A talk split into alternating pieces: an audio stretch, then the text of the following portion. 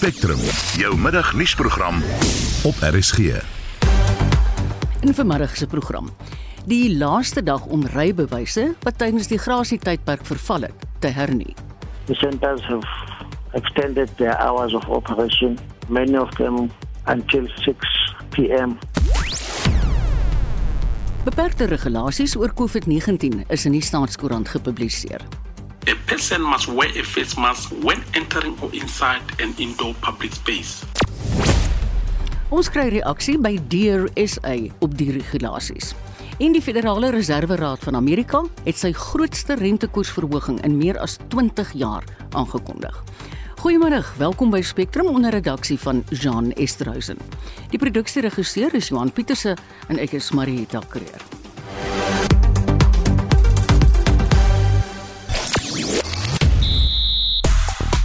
Die kampioene van Europese sokker sal van Engeland of Spanje afkomstig wees nadat Real Madrid gister na nog 'n verstommende terugveg geseëvier het. Die Sharks se chequeboek skrik vir niks. Die nuutste aanwins agterlyn generaal Rowan Janse van Rensburg en Rafael Nadal kondig sy terugkeer van besering aan met 'n goeie oorwinning in die Madrid Ope. 'n Volledige sportbulletin volg net na 12:30. Op Twitter gesels mense oor AfriForum nadat die burgerregte groep die appel hof nader oor die vertoon van die ou landsvlag. Dan kan mense nie uitgepraat raak oor Real Madrid se sege oor Manchester City nie. Champions League is die houtsmerk daar. En vandag wil ons baie graag by die luisteraars weet. Stel jy daarin belang om eendag te boer? En miskien is jy 'n boer. Watter raad en waarskuwings sal jy aan voornemende boere gee? Stuur gerus vir ons jou antwoord na SMS lyn 45889 teen R50. Jy kan ook saampraat op die Monitor en Spectrum Facebookblad. En 'n stemnota is altyd welkom op 076 536 6961 076 536 6961 Welkom terug by Spectrum 1207. Die departement van gesondheid het gisterand beperkte regulasies oor COVID-19 in die staatskoerant gepubliseer kort voor die oorgangsmaatreëls sou verval. Die regulasies gaan hoofsaaklik oor die dra van maskers binnenshuis, saamtrekke in die buitelug, asook regulasies oor internasionale reisigers wat Suid-Afrika binnekom. John Marie Verhoef het meer besonderhede. Die tydperk vir openbare kommentaar op die nuwe gesondheidsregulasies is ter 11de uur verleng. Die sperdatum vir kommentaar is nou die 5de Julie. Die woordvoerder vir die departement van gesondheid, Foster Mohale, sê die verlenging sal die departement genoeg tyd gee om alle kommentaar oor die regulasies te oorweeg. Hy brei uit oor wat die regulasies behels. Person must wear a face mask when entering or inside an indoor public space. However, this does not apply to children at school. Again, under these limited regulations, no person may use any form of public transport unless wearing a face mask. For any indoor and outdoor gatherings, a maximum of 50% of the venue capacity may be occupied, provided that all attendees are vaccinated against COVID 19 and produce a valid vaccination certificate. Alternatively, all attendees must be in a position of a valid negative COVID 19 test result not older than 72 hours. However, if complying with this indoor gathering requirement is not possible, then the attendance shall be limited to 1,000 people or 50% capacity or less. Mohale het ook die regulasies van toepassing op internasionale reisigers uiteengesit. All international travelers except children under the age of 12 years and commuters arriving in South African ports of entry must be vaccinated against COVID 19 and produce a valid vaccination certificate or negative PCR COVID 19 test not older than 72 hours before the date of departure. Alternatively, travelers can produce negative antigen COVID 19 test result performed by a medical practitioner registered public health authority or accredited laboratory obtained not older than 48 hours before the date of departure. En leerdlinge by openbare laer en hoërskole word nie meer verplig om gesigmaskers te dra nie. Die adjunkdirekteur-generaal by die departement van gesondheid, Dr Nicholas Crisp, verduidelik. The section dealing with gatherings says that everything applying to gatherings does not apply to children at school. Um, there was quite a lot of debates about whether that would be only primary schools or all education institutions and how to define it. But looking at the comments that we got and listening to the various inputs that were received, it was decided that it would apply to basic education schools, so primary and high schools. Dit was die adjunkdirekteur-generaal by die Departement van Gesondheid, Dr Nicholas Crisp. Ek is Jean Marie Verhoef vir SAK nuus. Soos nou in Jones se bydrae gehoor het, die Departement van Gesondheid het beperkte gesondheidsregulasies oor COVID-19 in die staatskoerant gepubliseer. Die burgerlike organisasies AfriForum en DSA dreig nou met regsaksie teen die departement. En vir meer hieroor praat ons nou met DSA se Gideon Huber. Goeiemôre Gideon. Goeiemiddag en goeiemiddag aan die luisteraars en uh, dankie dat uh, ek met julle kan praat vandag. Nee, ons is meer bly want jy gaan nou vir ons 'n bietjie lig werk. Julle was oorspronklik besorg dat daar nie genoeg tyd is om kommentaar te lewer nie en dat die departement waarskynlik nie tyd het om aandag aan al die kommentaar te skenk nie. Hoe voel julle nou oor die verlenging van die openbare deelname proses? Ons ons verwelkom die verlenging van die proses uh, met betrekking tot daai tydstip maar ons het nog steeds ernstige besorgdhede oor hoe die openbare deelname proses deur die regering hanteer was tot op hierdie punt as ook die regula die regulering se wysiging self. So ons gaan definitief voortgaan met die regsaksie teen dit. Nou met spesifieke verwysing na die hoeveelheid openbare ehm um, kommentare en insette wat ons wat deur die DRSI platform aan die departement van gesondheid gelewer was. Daar was 283436 individuele kommentare teen die ja, eerste uh, sluitdatum van uh, wat, wat afsluitdatum van mm. uh, openbare inset. En as 'n mens daaraan dink dat dit as jy net 1 minuut op uh, op gemiddeld spandeer om elke liewe kommentaar te lees en te besluit of hy aanvaar verwerp of of verder verwerk gaan word gaan dit ongeveer 4724 ure neem of 196 dae om elke een van daai hmm. insette te lees en 'n besluit te maak daaroor. Eh dit is nou 7 dae min of meer of, of net so oor 'n week nadat die die aanvanklike proses uh gesluit het en en, en tot ehm um, uh, tot 'n einde gekom het. So dit is vir interessant oor wat gelei het tot hierdie nommer 99 besluit van die departement van gesondheid en minister gisterand om nou uh, die proses met te verder 3 maande te verleng en wat presies met die openbare insette gedoen word is die die publiek benodig helderheid ja. oor daai punte. Daar hmm. moet definitief beter deursigtigheid met hierdie proses geskied. Dis presies wat ek jou nou wou vra want ek is bewus daarvan Gideon dat jy besorg is oor die ontbreking van deursigtigheid in hierdie oorspronklike deelnameproses. Watter deel pla julle veral? Wel onder andere was daar uh, ernstige aantuigings deur lede van die publiek wat na ons toe gekom het met bewyse dat uh, insette wat hulle deur e-pos aan die regte adres gelewer het, het hulle uh, kennisgewing van gekry dat daai insette uitgevee was sonder dat dit oopgemaak word, word of gelees was. Ons het ook verskillende openbare aanmerkings en kommentaar deur die minister en um, ander lede van die departement van gesondheid gekry of of gelees in die media waar hulle gesê het dat hulle 3000 kommentare ontvang of 15000 wanneer dit nader aan as jy Afriforum se kommentaar saam met ons intel was dit oor die 310000 mm. individuele insette. So dit wil vir my voorkom asof daar binne die departement van gesondheid nie struktuur of 'n mm. plan is om hierdie kommentaar te verwerk nie of ten minste nie nie op 'n 'n manier wat doeltreffend is nie en as die openbare deelname proses net gebruik word as 'n as 'n blokkie waar 'n regmerkie ingemaak moet word uh, terwyl hierdie wetgewingsproses voortgaan dan dan dan veroorsaak dit ernstige betwyfeling oor toekomstige openbare mm. deelname prosesse en die publieke vertroue daarin. Presies, want ek wil jou gevra het in die lig van alles wat jy nou nou toe gesê het. Wat sou die implikasies hiervan wees op toekomstige sogenaamde openbare deelname prosesse? Dit is dis juist ons groot bekommernis hmm. en waarom ons hierdie saak uh, hof toe wil vat want grondwetlik is dit vereis dat elke uh, wysiging van beleid of of wetgewing uh benodig publieke deelname om daai proses te te vorm en daai en om insette te lewer. Ja, so ja. dit is 'n dit is 'n grondwetlike proses en dit is 'n fundamentele bousteen van ons demo demokratiese stelsel. En om daai net te gebruik as 'n uh, hoe sou mense die wonder wonderlike Engelse woord to just pay lip service to it is nie goed genoeg nie en hoe die hele proses uh, tot tot met hede mee ehm um, hoe die departement dit hanteer het is vir ons onredelik en en nie regverdigbaar nie. Ehm um, Ja. dis eintlik waar dit neerkom. Goed. Gideon, ek wil hê jy moet iets vir my verduidelik asseblief.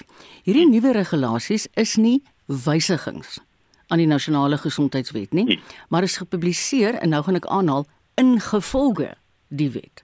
Wat beteken dit? Dis korrek. So w- waarna dit verwys is, dis nie 'n wetswysiging van die uh, nasionale gesondheidswet nie. Dit is 'n suiwere wysiging van die regulasies. En die regulasies is onderworpe wetgewing. So die minister het verskriklik baie mag om dit te verander. Maar terselfdertyd moet 'n mens kyk na die impak wat regulateure veranderings op die die lewens van Suid-Afrikaners het, asook hulle uh siviele en burger burgerregte. En veral met gevolg van hierdie voorgestelde wysigings is dit is dit ernstige potensiële implikasies. Dus het die regering aanvanklik net 'n 30 dag openbare deelname proses uh, tydraam gegee want omdat dit nou regulasies was en nie wysigings tot die wet self nie. Maar ek dink die openbare druk was was mm. so oorweldigend Mm. dat hulle nou moes afsien van daai en die proses heeltemal deurdink en ek is ook onder die indruk dat heel moontlik het um uh die die staatsprokureur aan die departement of dalk aan die minister gesê luister hierdie is nie voldoende nie en hierdie is is dalk soek vir moeilikheid. Um hulle het hulle dalk streng streng aangeraak met ander Mm. Ja, daar het ons nou vir Gideon verloor, maar ek dink ons het verstaan wat hy eintlik vir ons wou sê. Dit was Gideon Joubert van die burgerlike organisasie Deur SA. Die grasie tydperk soos ons in die nuus ook gehoor het, om bestuurderslisensies wat tussen Maart 2020 en Augustus 2021 verstryk het te hernie, eindig vandag. Die grasie tydperk is as gevolg van die nasionale ramptoestand weens die COVID-19 pandemie aan motoriste toegestaan. Ons praat nou met die organisasie teen belastingmisbruik, Outa se hoof van regsaake, advokaat Stefanie Fik. Hallo Stefanie. Goeiemôre Marita. Welkom weer by die program. Ons pla jou deesdae baie. Dis 'n plesier. Die minister van vervoer, Fikile Mbalula, sê wetstoepassers sal streng optree teen die mense wat nie hulle rybewyse hernie het nie. Dink jy die grasietydperk was lank genoeg? Nee, nee glad nie. Ek, ek was ook nogal geskok om te hoor. Dit was ek wil amper die woord a- halfe aggressiewe manier van sê dat ons nou ons gaan nou ehm um, um, mense uh, vrystel en nuwe uh, law enforcement officers beskikbaar stel om dan nou die mense te, uh, beboetes te gee wat nie hulle bestuurslisensiekaarte hernie het nie. En ek dink dit is bietjie onregverdig want as mens net na die getalle gaan kyk na wat ehm um, hulle bekend gestel is, ek meen ek dink daar is nog iets soos 1.3 miljoen se bestuurslisensies uitstaande, Hmm. meer as 500 000 kaarte wat nog nie ehm um, klaar ge, ge, geprint is nie. Ek meen en en en as mens net luister, ek besef daar is plekke waar waar dit seker dit perfek verloop. Maar daar's soveel ander motoriste wat so sukkel. Hulle van die begin van die proses af. Hulle word weggewys as hulle na die plekke toe gaan in persoon. Hulle kry nie afsprake nie. Gister het iemand byvoorbeeld gesê hulle het 'n uh, 'n uh, uh, afspraak gemaak en in 'n 'n tou gaan staan en net toe hulle voorkom. Dis dit daar daar nie elektrisiteit nie of die, of die stelsel was Oh. was was nie meer op lyn nie. So daar's soveel ander probleme om dan net terug te kom en sê Ehm um, dis nou 5 Mei en daarna gee ons nie meer grasie tydperk nie. Dink ek is baie onredelik. Teenoor die motoriste wat al wat hulle wil doen is net om hulle bestuurders se kaarte te hernie en hulle word nie die kans gegee om dit te doen nie. Stefanie, daar was reeds 'n agterstand in die hernuwing van bestuurderslisensies. Dit nadat die masjien onthou jy wat die kaarte vervaardig Ja. het, ontklaar geraak het. Maar julle voer aan dat daar ander diep gewortelde en sistemiese probleme by die departement van vervoer is. Kan jy vir ons sê is dit nou maar dis wat jy nou genoem het of is daar nog? Maar die wat ek nou genoem het, ek dink die korrupsie. Het ons al ooit het die departement al oor die korrupsie ehm um, aangespreek wat by hierdie sentras ehm um, ehm um, uh, ek, ek meen dit is die die die stories wat mense hoor van mense wat geld vra en as jy nie geld gee nie, dan kan jy nie 'n afspraakie kry nie. Ehm um, en en as jy nie en, en dan dink ek net die dienslewering is ook nie altyd mm. ehm um, wat wonders nie. Uh, is dat die mense ehm um, onvriendelik is en jou nie wil wil help nie. En dit alles is is nou maar net weer eens ek dink dit dit wys bietjie die onvermoë van die departement. Dis hulle prosedures. Hulle het probeer om 'n nuwe stelsel daar te stel, maar ten spyte daarvan is hulle nie in staat om hulle eie administratiewe prosesse so gemaklik as moontlik te maak vir die motoris nie. Want ek dink tog, dit moet tog dis 'n dienslewering. Ja. En dis hoekom ons sê, mm. kan ons nie hierdie die lisensiekaarte vernuwingsperiode skuif van 5 na 10 jaar nie, want dan verlig dit hele ehm um, ja. uh, probleme wat julle ondervind. Nou ek wil jou juist vra, is daar enige vordering op daai versoek van julle? Wat ek kan sê is ons het 'n gesprek gehad met die minister. Hy het te kenne gegee aan ons en in die in die in die media dat hy nou sy ehm um, seker maar sy adviseurs gevra het om te gaan kyk na daardie moontlikheid.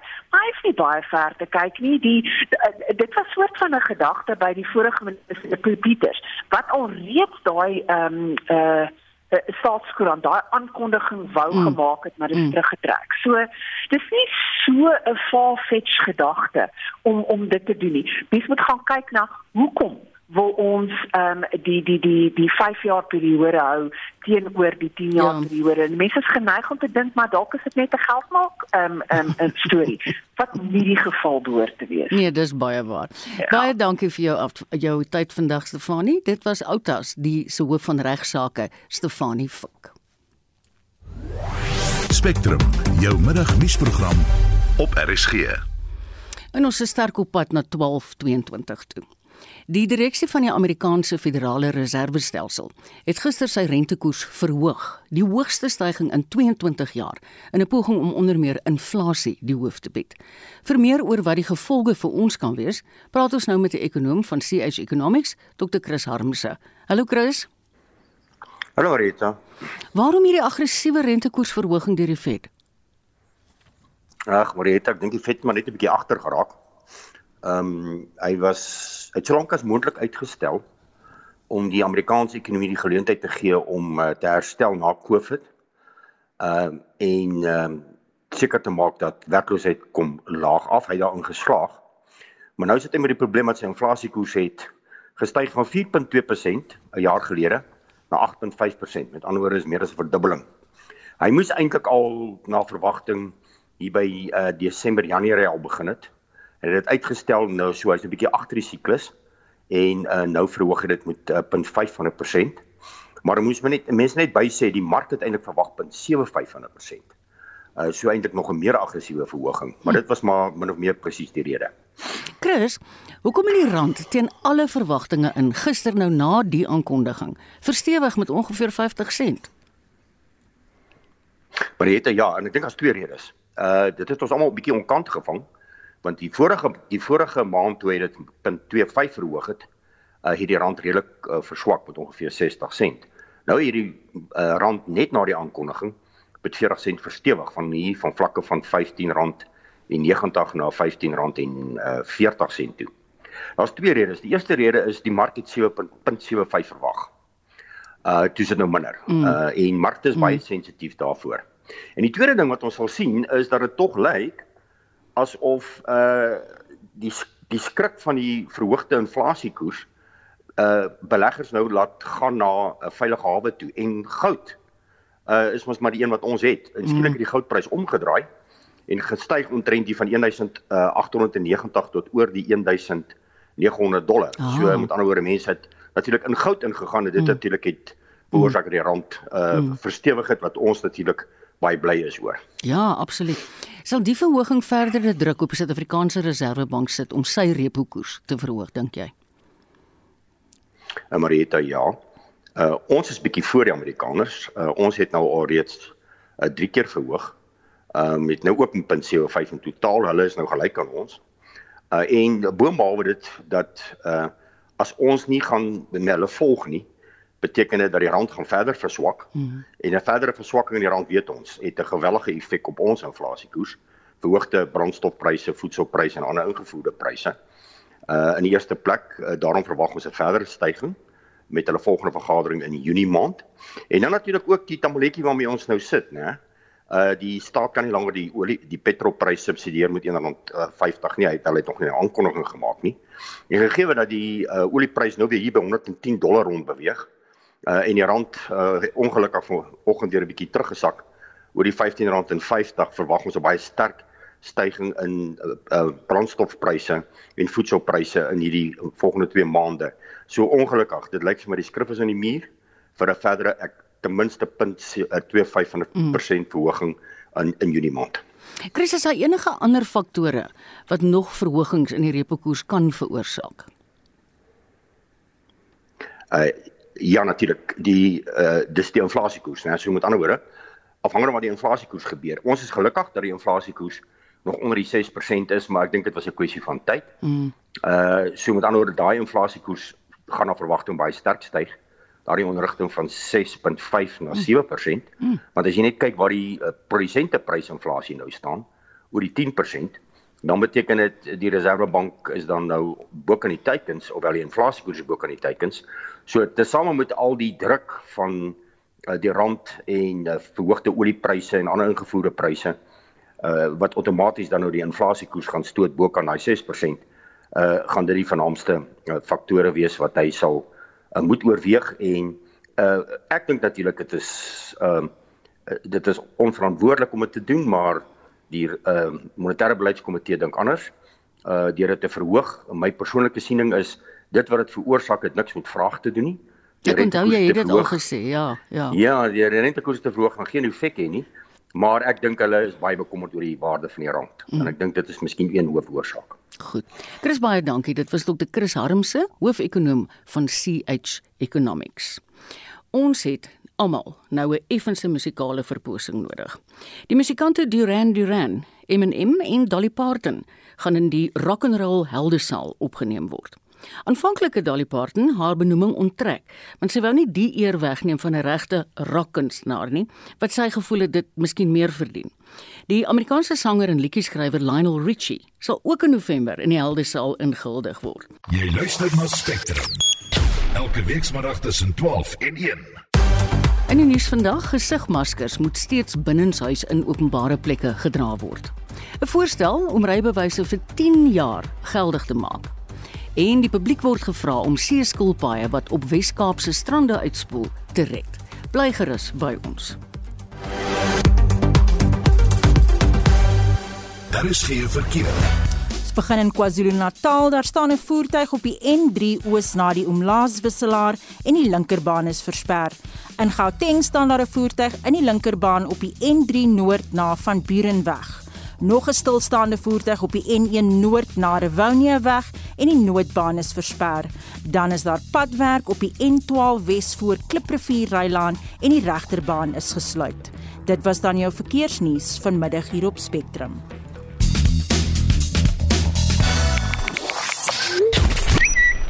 Stage 8 is gewild op Twitter nadat die minister van openbare ondernemings Pravin Gordhan die moontlikheid van fase 8 beerdkrag genoem het.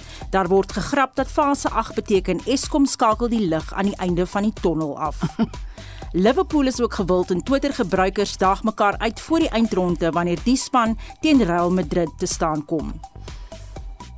Kyk, ek moet jou sê Annelien, ek kon nie nou help om te lag nie, want ek meen regtig dis die lig aan die einde van die tonnel. Maar as dit donker is by ou se huis in die aand, voel jy 'n bietjie so. Ons het vroeër vandag vir die luisteraars gevra of hulle belangstel miskien om te boer. Of as jy 'n boer is, watter raad en waarskuwings het jy aan voornemende boere? Tot Lukas Botha geantwoord: "Jong, die landbou het genoeg uitdagings aan op sy eie. Jy het nie nou boonop nog nodig dat die staat jou grootste uitdaging moet wees nie."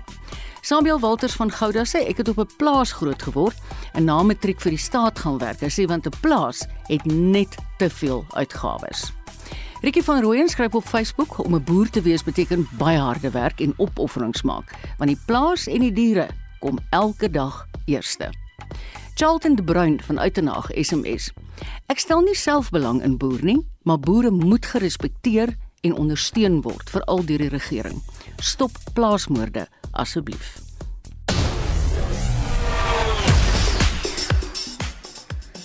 Nou sluit ons aan by Udo Karelse om te hoor wat gaan aan in ons sportdagboek. Maak nou reeds 'n merk in jou dagboek. Saterdag die 28ste Mei sal Liverpool teen Real Madrid te staan kom in die finaal van die Europese Kampioenligga.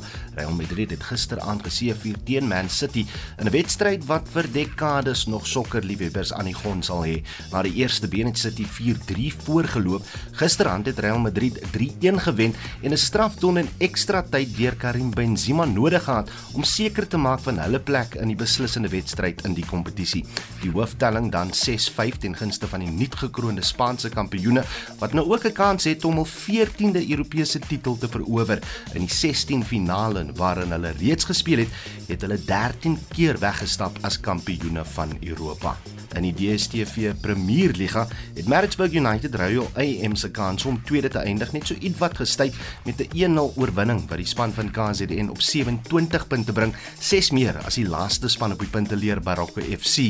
Hulle het gister ook 1-0 teen Golden Arrows gewen. Chippa United en Cape Town City het doelloos gelykop gespeel. Die uitslag beteken dat Cape Town City en Royal AM gelykop sit met punte albei op 45 punte in onderskeidelik derde en tweede plek. Na rugby toe waar die Sharks gister nog 'n groot agterlynspeler na KZN toe gelok het met die aanwins van Kookwater senter Rowan Janse van Rensburg. Hy speel die afgelope paar seisoene by Sail Sharks in Engeland en hy het hy skuif oor see gemaak in 2018 na suksesvolle tyd met die Lions wat onder Johan Ackermann se afrigterskap 3 Super Rugby finale bereik het. In tennisnuus sê Rafael Nadal gister sy terugkeer van 'n massiewe besering aan sy ribbes aangekondig met 'n goeie oorwinning oor Servier Miomir Kecmanovic om die derde ronde van die Madrid Ope te haal. Nadal speel 4 uur vanmiddag teen die Belg David Goffin. Vandag se groot kragmeting is wel die derde ronde wedstryd tussen Novak Djokovic en Andy Murray. Die Brit wat ook sy terugkeer van ernstige besering maak, het in 2016 Djokovic se plek oorgeneem as wêreldnommer 1 mans speler, maar is sedert in gewikkelde stryd net om te kan speel. Toe hy gevra is hoe hy voel oor vandag se kragmeting, was sy woorde aan beriggewers: "Wel, die een speler is wêreldnommer 1, die ander speler het 'n staalplaat in sy heup, so wat dink julle van my kansse?" Die manne kom binne enkele minute teen mekaar te staan.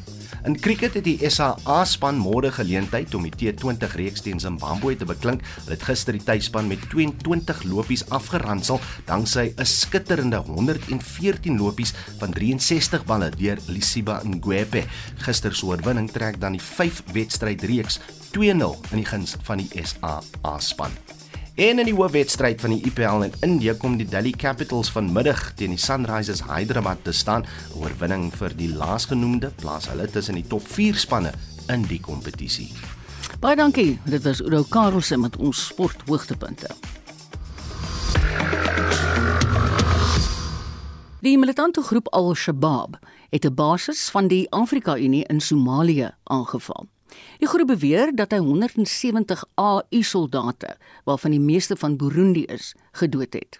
Die Burundiese weermag sê hy 10 soldate verloor en 5 word vermis. Vir meer oor die situasie in Somalië, praat ons nou met 'n senior opleidingskoördineerder van die ENACT program by die Instituut vir Sekuriteitsstudies, Willem Els. Hy spits hom ook toe in navorsing oor Al-Shabaab. Goeiemôre Willem.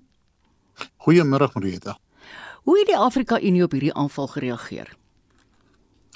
Ja, die Afrika Unie is natuurlik uit die aard van die saak uh, bekommerd. Ons sien dat uh, die uh, leier of die hoof van die AU, Mr. Fakki Mohammed, het uh, natuurlik dit betreur en uh, en natuurlik sy meegevoel aan maar basies uitgespreek teenoor die uh, soldate en teenoor Burundi. Maar ons sien dat dis nie die eerste keer dat dit in Burundi gebeur in Somalië nie. So uh, ja, dit moet vir hulle 'n baie harde slag wees. Is dit die dodelikste aanval sê jy sê nog op vredesmagte van die AU? Uh, dit blyk so te wees. Onthou net ons sit nou hierso met twee stelle van inligting. Ons sien sê die inligting van Al-Shabaab wat natuurlik sê daar's 173 en aan die ander berigte 170 wat dood is waar Burundi sê nee maar daar's net 10 van ons mense dood en so aan. So ons sit met met met met konstaterende uh uh, uh data wat mm. wat inkom Maar as mens kyk na wat hulle doen, as jy kyk na die geskiedenis, onthou in 2011 het hulle Burundi aangeval, is 'n kamp aangeval en daar was 'n hele klomp soldate doodgemaak in 2015 het hulle weer eens en toe nog natuurlik ook die aanval op die Keniaanse basis by Al Ade waar daar ook uh, oor meer as 90 soldate dood is. Uh so dit is 'n baie groot een. Hulle kom met ongeveer 4 tot 500 uh, aanvallers wat inkom. Hulle gaan baie groot. Dit is 'n volskaalse aanval. Hulle vang die mense dan natuurlik uh, onverhoeds. Uh dit is gewoonlik vroegoggend wanneer hulle aanval. Uh, die mense is dan nog nie gereed om mm. vir die dag en so aan nie. Hulle slaap nog so 'n bietjie en dan uh, is dit is dit natuurlik absolute chaos wat daar in jy weet hulle gaan hulle skiet uh, dis dis dis uh, hulle wat wat hulle doen net om terug te kom na dit uh, hulle modus operandi hulle hulle sluip baie baie stadig nader dan het hulle 'n motorbom wat hulle hmm. instuur mm. na die na die uh, die ingang toe uh waar waar die hek is en waar hmm. waar hulle nou bewaak het dan ontplof hulle die bom wanneer die bom ontplof dan beweeg hulle vinnig in en hulle skiet en natuurlik almal wat dan wakker word en so aan word dan geskiet voordat hulle nou hulle hulle wapens kan kry. So as jy kyk na die aantal uh, aanvallers wat in die verlede gebruik was, dan uh, vermoed ek dat die uh, die getalle wat die uh, die uh, Al-Shabaab gee baie nader aan die waarheid kan wees as die wat uh, Burundi gee. O, regtig, dis baie interessant. Nou die AI sê 'n verklaring dat die gebeure nie die werk van sy oorgangssending in Somalië sal kelder nie. Dink jy die AI met sy benadering tot hierdie konflik verander?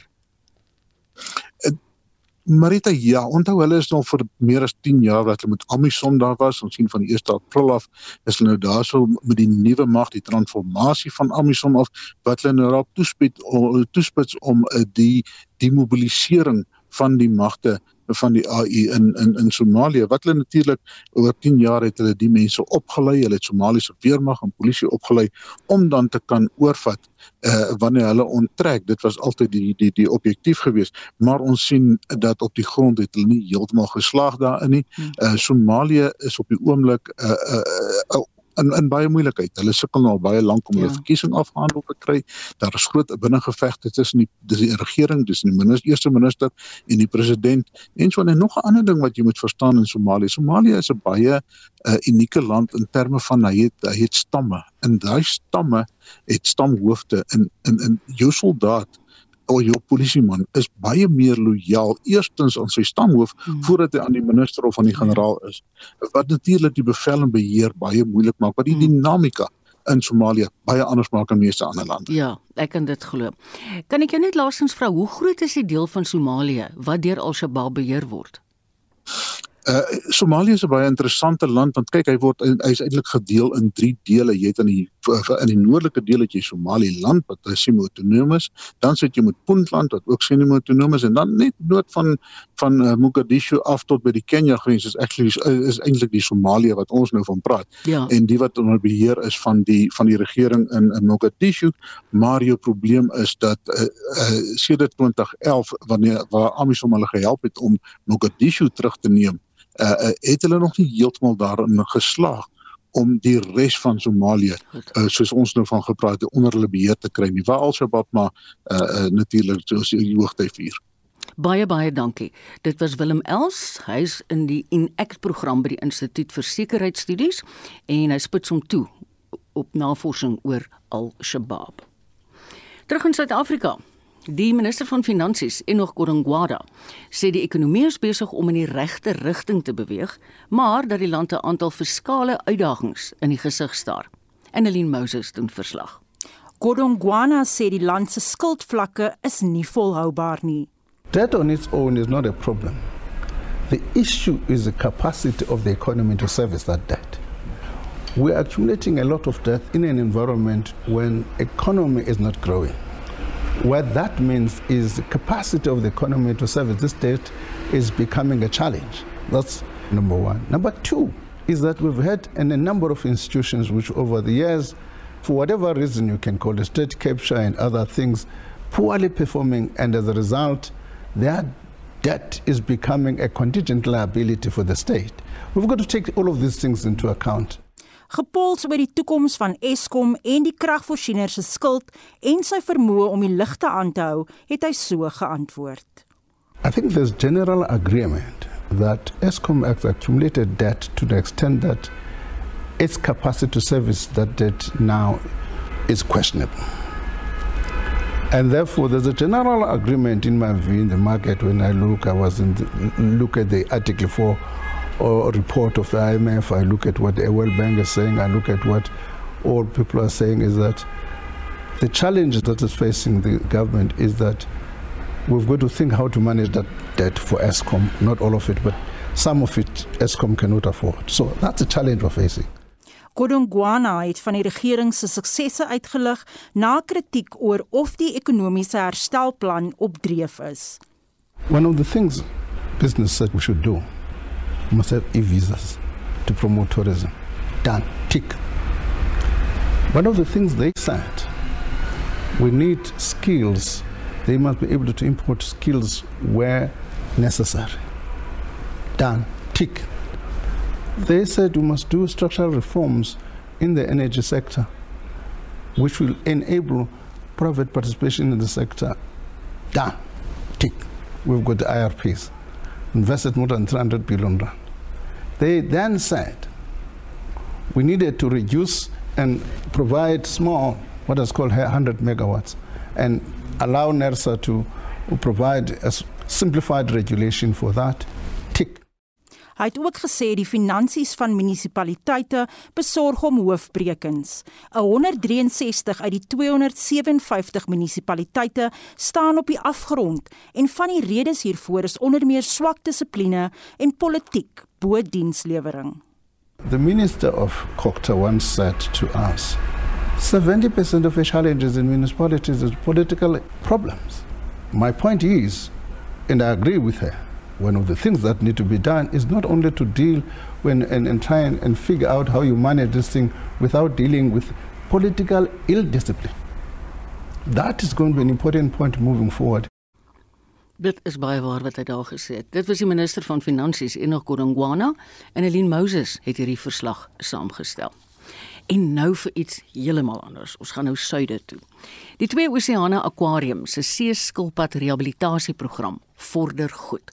Die TOA het die publiek gevra om te help met die redding van seeskilpaaie wat op Wes-Kaapse strande uitspoel gedurende die huidige seeskilpad broeiseisoen. Vir meer hieroor praat ons nou met die woordvoerder van die twee oseane aquarium in Kaapstad, Renay Leoner. Hallo Renay. Hi, goeiemôre. Vertel ons asseblief van julle vordering. Hoeveel seeskilpaaie is nou al gered? So hierdie jaar is 'n redelike besige jaar vir ons. Gewoonlik kry ons so 50, 60 in vir die hele seisoen. So dis ehm um, die kleintjies broei uit in KwaZulu-Natal en dan uh, hulle in die seestrome en dan uh, spoed hulle baie keer hier op ons Weskaapse strande uit. En ehm um, dit gebeur gewoonlik so van die middel Maart af tot so middel Junie, Julie se kant. Maar hierdie jaar het ons nou al reeds ons um, ek het nou vanoggend weer probeer kyk hoe veel het ons nou al, maar ons het vanoggend al weer 5 ingekry. So ons staan nou amper ek, ek dink op 130 mm. op die oomblik. Ehm um, en dit was van die middel Maart af. So ons het nog minstens amper 'n maand en 'n half om te gaan van hierdie seisoen. So wie weet hoe op hoeveel gaan ons opeindig op die einde. Hoekom spoel seeskilpaaie uit die see uit?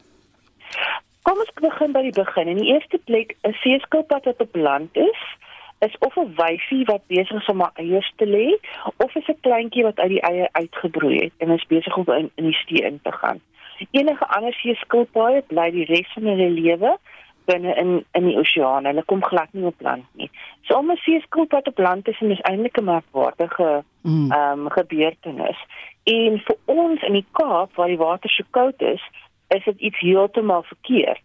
Want onthou hulle is reptiele en hulle um, liggaamstemperatuur pas by die um, temperatuur rondom hulle aan en ons water is te koud vir hulle. Mm. So wat gebeur is is hierdie kleintjies broei uit in in KwaZulu-Natal. Hulle gaan in die warm Agala stroom in. En hierdie stroom het 'n interessante manier van ehm um, vloei. Hy vloei af teen die, teen ons ooskus en dan rondom Struisbaai, dan gaan hy terug op homself. Hy maak so 'n loop en gaan hy terug. Nou hierdie kleintjies kom baie keer ehm um, is dit sterk winde of strome ehm um, of uh jy weet slegte weer druk hulle uit die warm stroom uit in die koue stroom mm. en dan kry hulle koue skok en baie van hulle is beseer baie van hulle plastiek geëet en hulle kan nie hulle liggaamstemperatuur nie reguleer nie. Ehm um, hulle kan nie duik nie en en dan op die ouende dan druk die sewe net op die op die strand uit. En dit is hoe hierdie kleintjies dan deur die publiek gekry word en na ons toe gebring word. Ek gaan nou daarby kom van die reddingsaksie. Ek net vir vra aan watter toestand is hulle wanneer jy hulle in die hande kry? Weet jy, party van hulle is in 'n redelike bestendige toestand. Hulle is 'n bietjie koud, hulle is 'n bietjie gedihidreer, maar ander is is op die punt van van doodgaan Och. en baie van hulle gaan ongelukkig dood ook. Ehm um, ek weet eenetjie wat vanoggend ingekom het, het dit nie gemaak nie. Ehm um, hulle is 'n koue skok. Uh hulle liggame die die liggaamsfunksies het uh, opgehou werk, so hulle verteer nie meer kos nie. Hulle uh jy weet hulle is Mm. baie stadig. Jy weet as jy 'n akedus in jou huis sit en jy sit hom in die son, dan raak jy lekker hy raak so lekker warm, jy weet so rustig, rustig. Sit hom in 'n koue gebied en hy raak yskoud. Jy weet jy kan hom optel en hy hy's ys yskoud. En dit is dieselfde, hulle is albei reptiele. Mm. En onthou die ehm um, ander dingetjie met die die skilpaadjies is hulle het longe. So hulle kry ook goed soos longontsteking. Hulle kry voels daarvan om hulle te eet, so hulle beserings daarvan. Hulle word deur groter visse ehm um, gegaps en gehelp. Ehm um, ja, vir alles hulle nie kan terugveg nie. Mm. Vir alles hulle so, jy weet al klaar ehm um, jy weet so koud is dat hulle nie meer vir hulle self kan um, jy weet veg nie. Renay, ek volg jou gesprekke altyd op RSG en dis vir my baie interessant. Dis hoekom ek weet vanjaar is vir julle 'n uitdaging. Maar hoe suksesvol is julle rehabilitasieproses? Die rehabilitasieproses is eintlik 'n baie groot sukses.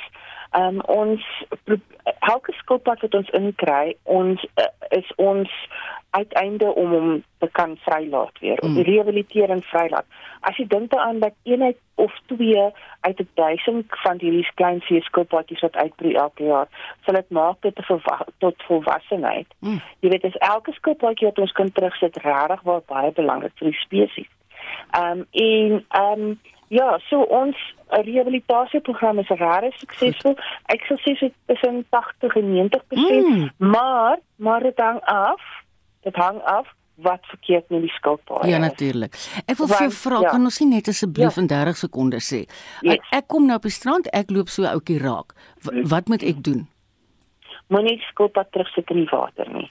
Ehm um, kry uh, die ehm um, kontak die aquarium. Dis die maklikste ding om te doen op 0214183823 of gaan na jou naaste punt toe enigiets soos die NSRI of so aan in in die omgewing waar jy is. Ons het 'n netwerk van honderde mense oor oor, oor die kus langs ehm um, die Kaap wat jou sal presies kan sê wat om te doen. Hou die Goed. skilpad droog en en sit hom in 'n houe met luggate sodat hy kan asemhaal en kry tot by die aquarium. Sien net vir my asseblief julle nommer weer. Ek het 021481 418 O, ekskuus, 418. 021 418 Oh, omdat ek Nee, maar wag, het ek jou nou deurmekaar? 418 3823. 3823. Ek het jou nou deurmekaar, skus man. No- 021 418 3823. Ja, dit klink reg. Wonderlik. Ek sal hom aan die einde van die program herhaal want ek ek skryf altyd te laat af as ek die luisteraar is. Baie dankie Relay Neuner, die woordvoerder van die Twee Oseane Aquarium. Feit van die saak is ons moet hulle nie terugsit in die see nie. Nou vir die jongste oor die finansiële markte sluit Chris Weemeier by ons aan. Hy's 'n portefeuljebestuurder by PSG Wealth Pretoria Oos. Goeiemôre Chris. Goeiemôre Marietta. Ons het gisterand in Amerika gesien dat daar weer 'n rentekoersverhoging was van uh, 50 basispunte, maar die belangrike ding is dat die sentrale bank net gesê het dat hulle nie rentekoerse baie aggressief vorentoe gaan verhoog nie en uh, die mark het baie sterk herstel. Ons het gi- gisterand gesien het dat die uh, Nasdaq hier by die 3.4% hoër gesluit het. Dit is nog steeds 17% laat vir die jaar en uh, die Amerikaanse mark het baie sterk gesluit. Plaaslik hier by ons aanvanklik ehm um, is sterker, maar die mark kom so 'n bietjie terug. Die algehele indeks staan 0,3% hoër op 70572 en ons sien vandag die hulpbronne wat uh, vandag so 0,15 van 'n persent hoër is. Uh, finansiële indeks verloor 0,2% en die nywerheidsindeks 0,6% hoër nadat ons voor vanoggend uh, van Anheuser-Busch 'n baie goeie stel resultate gekry het. So as mens net na die na die mark gaan kyk by die uh, finansiële aandele sien ons net vandag dat uh, die banke maar so 'n bietjie onder druk is. Absa verloor 0,7%. Ons sien Discovery 0,5% laer.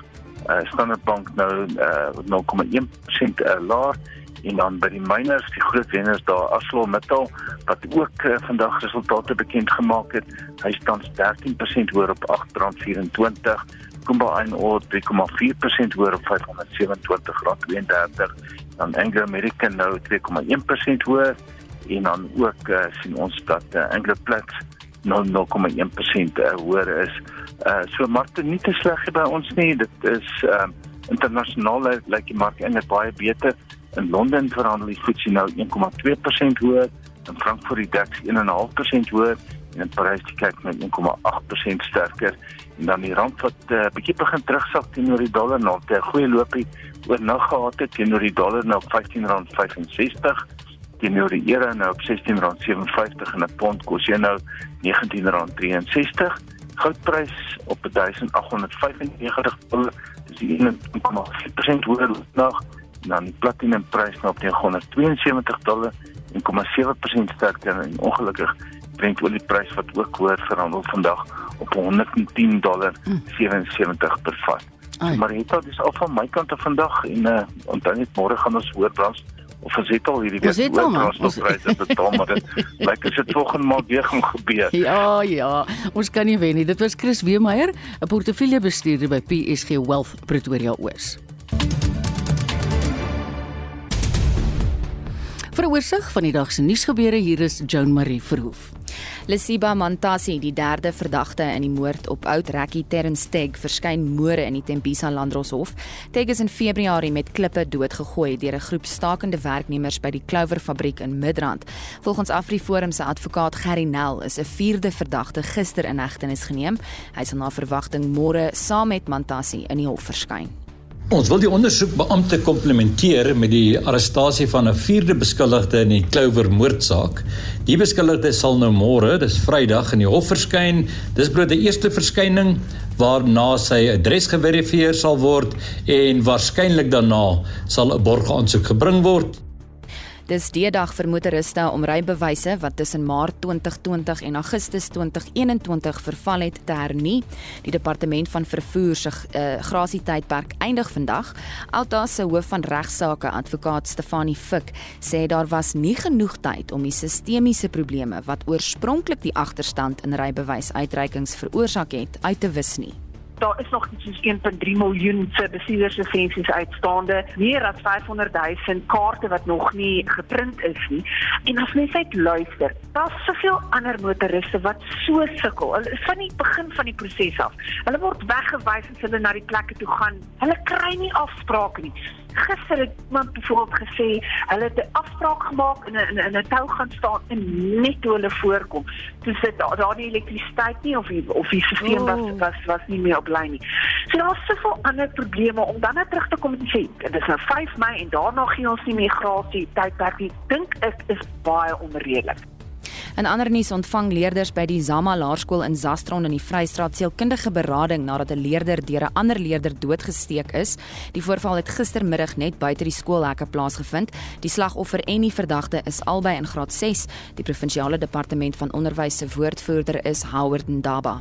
The fight broke out between the two boys after the suspect allegedly bullied and attempted to stab the now deceased learner with the knife. The department will provide psychosocial support to the learners, teachers, and the staff of the school. The police are investigating this matter. En die weerdiens waarsku dat toestande bevorderlik is vir die ontstaan van veldbrande in dele van die Wes-Kaap. Die waarskuwing het oorspronklik dele van die Noord-Kaap ingesluit.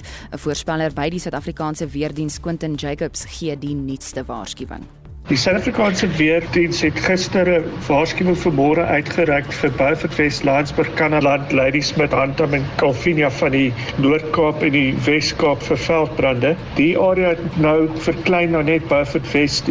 Mense word daarvan verwittig om nie enige oop brande te hê tydens rooi tye nie. Volgens die brandgevaarwet is dit onwettig om enige vure in die buitelug te hê wat nie onder toesig is nie.